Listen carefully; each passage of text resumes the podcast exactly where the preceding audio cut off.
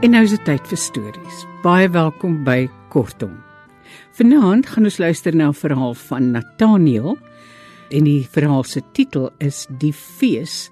Ek het vir Wessel Pretorius gevra om dit vir ons te kom lees en dit kom uit 'n bundel van Nathaniel met die titel Tuesday wat by Human en Resou verskyn het. Lekker luister.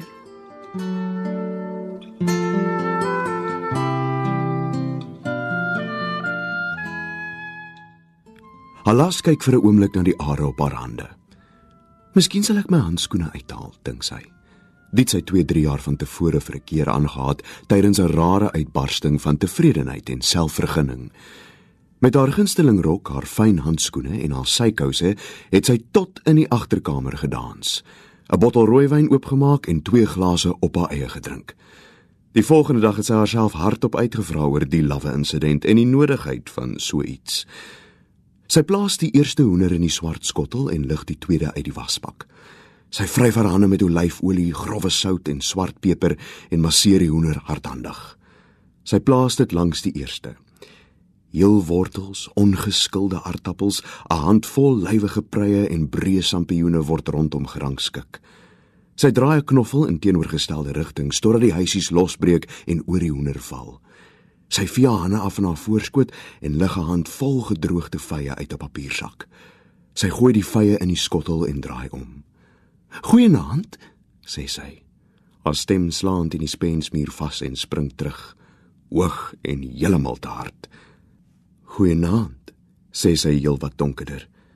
"Dit is ek, mevrou Boudon. Hier is my uitnodiging." Sy maak 'n oordadige handgebaar en voel onmiddellik hoe haar gesig vuurwarm word. Miskien sal ek stil bly, dink sy. Ek sal praat as hulle my iets vra. Alas haal 'n ongemerkte bottel witwyn van die rak af. Sy gryp 'n mes en breek die seël. Sy trek die lang kurk met haar hand uit en gooi die wyn oor die hoender, die groente en die vye. Heel laaste volg 'n handvol sout en 'n wilde bos vars kruie. Sy sit die swaar deksel op die skottel en maak die oond se deur oop. Sy lig haar hand teen die hitte. Die oond is laag gestel sodat die dis vir 'n hele paar ure in die oond kan prut en geurig bly. Oudeval sal beslis kom groet. Hy sal oral bly soek en dan kom sit om te wag. Later sal hy bekommerd raak en een van die ander gaan roep. Hoeveel sal hy wees, dink sy? Miskien net een of twee. Wel, dan kan hulle twee keer eet. Dalk daag die ander eers heelwat later op. Dalk bly hulle wag tot sy terugkom. Vir 'n oomblik staan sy stil. Toe ek sy die deur van die koelkas oop en haal 'n groot plat bak uit. Sy ruk die doek af. 'n Verleidelike stuk varkvleis lê en blink in die lamplig. Halas haal 'n metaalpen van hak teen die muur. Sy prik die vark met diep, sekure hale en stop hom met ansjovis, bloedrooi heel russies en vars roosmaryn. Sy smeer hom met olie en kruie. Die vark beland ook in 'n skottel omring van rooiwyn, ook uit 'n ongemerkte bottel van die rak. Alas maak die oond oop en skuif die hoender eenkant tot daar plek is vir 'n tweede skottel. Sy was haar hande vinnig en loop na die spens. Sy kom terug met 3 bottels suurlemoendrank, goud en dik so stroop. Sy pak glase op die tafel en draai die lamp laer. Die olie moet hou. Dalk sit hulle eintyd. Die brief het 2 weke vroeër in haar hek beland dubbel gevou en deur die draad gedruk, nie onder haar voordeur of oor die toonbank op die dorp nie, in die hek, soos 'n duif wat blindelings gevlieg het. Sy moes die brief twee keer gelees het om te verstaan wat daar geskrywe was. Die ink was soos die van 'n drukkery, maar die letters was groot en swaar soos die van 'n kind of 'n afperser of 'n baie ou hand. Sy het onmiddellik onthou dat sy al voorheen daarvan gehoor het dat dit ou mamma was wat haar daarvan vertel het. Byna 20 jaar tevore. Min mense word ooit genooi, het ou mamma vertel. Sy self het net van een vrou geweet wat 'n uitnodiging ontvang het. Dit was geskrywe op een van haar lakens terwyl die buite in die wind gehang het. Dat sy genooi was na die fees van die koppe. Sy kon nie onthou of die vrou gegaan het nie of waar dit gehou is nie, maar sy kon wel onthou dat die aanwysings vreemd was. Die vrou het baie mense gevra wat sy seker nie moes gedoen het nie en almal het probeer verduidelik waar dit was. alhoewel geen siel nog ooit so 'n fees bygewoon het nie.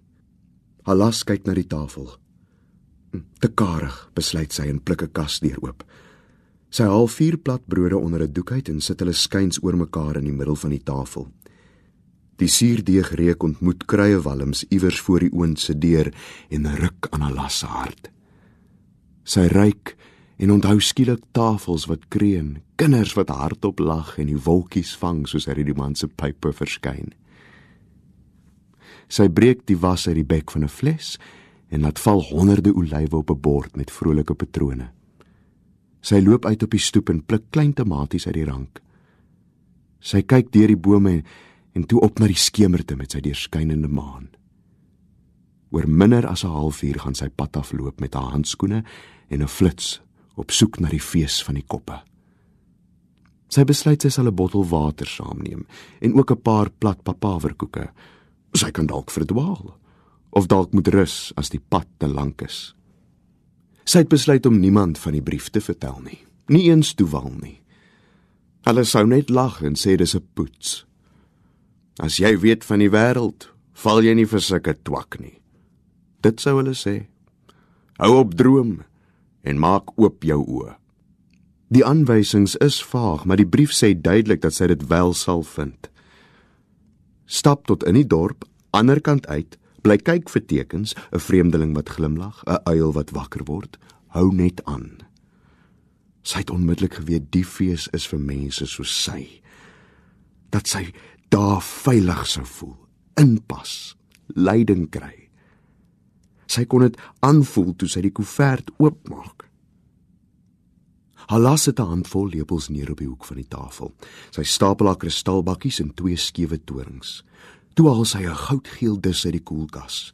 Gebakte vla met suikerkristalle en heel gebraaide amandels, geroosterde klapper en brandewyn uit die suide.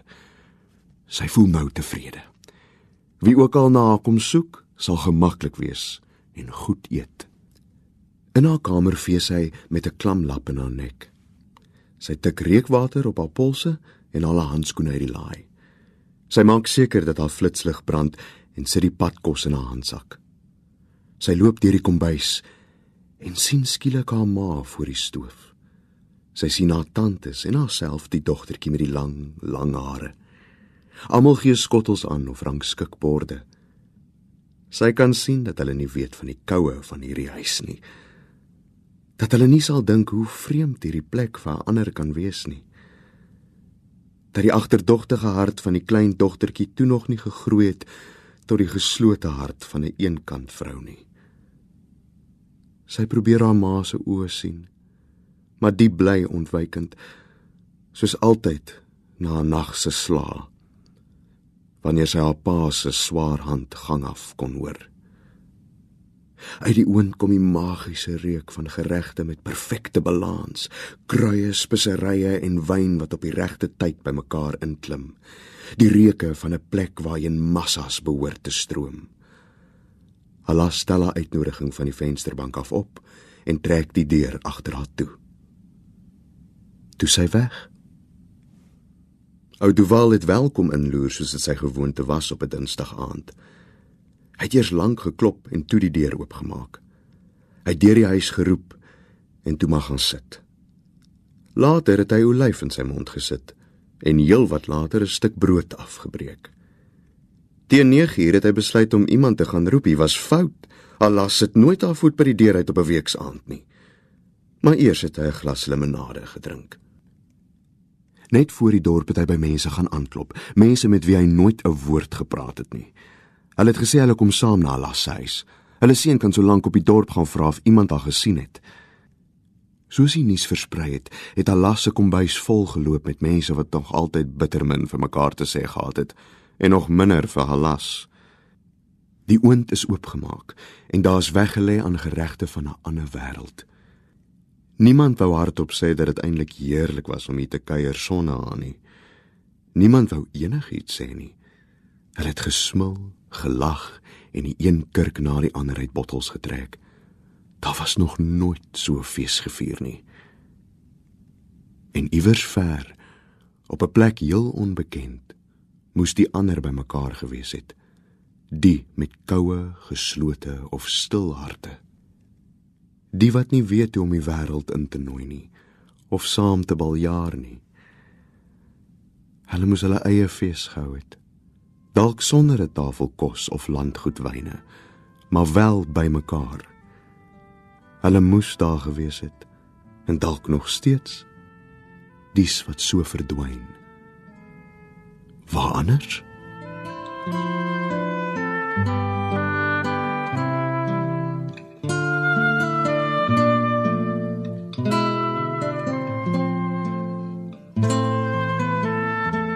Dit was die fees van Nathaniel en Wessel Pretorius het dit vir ons gelees.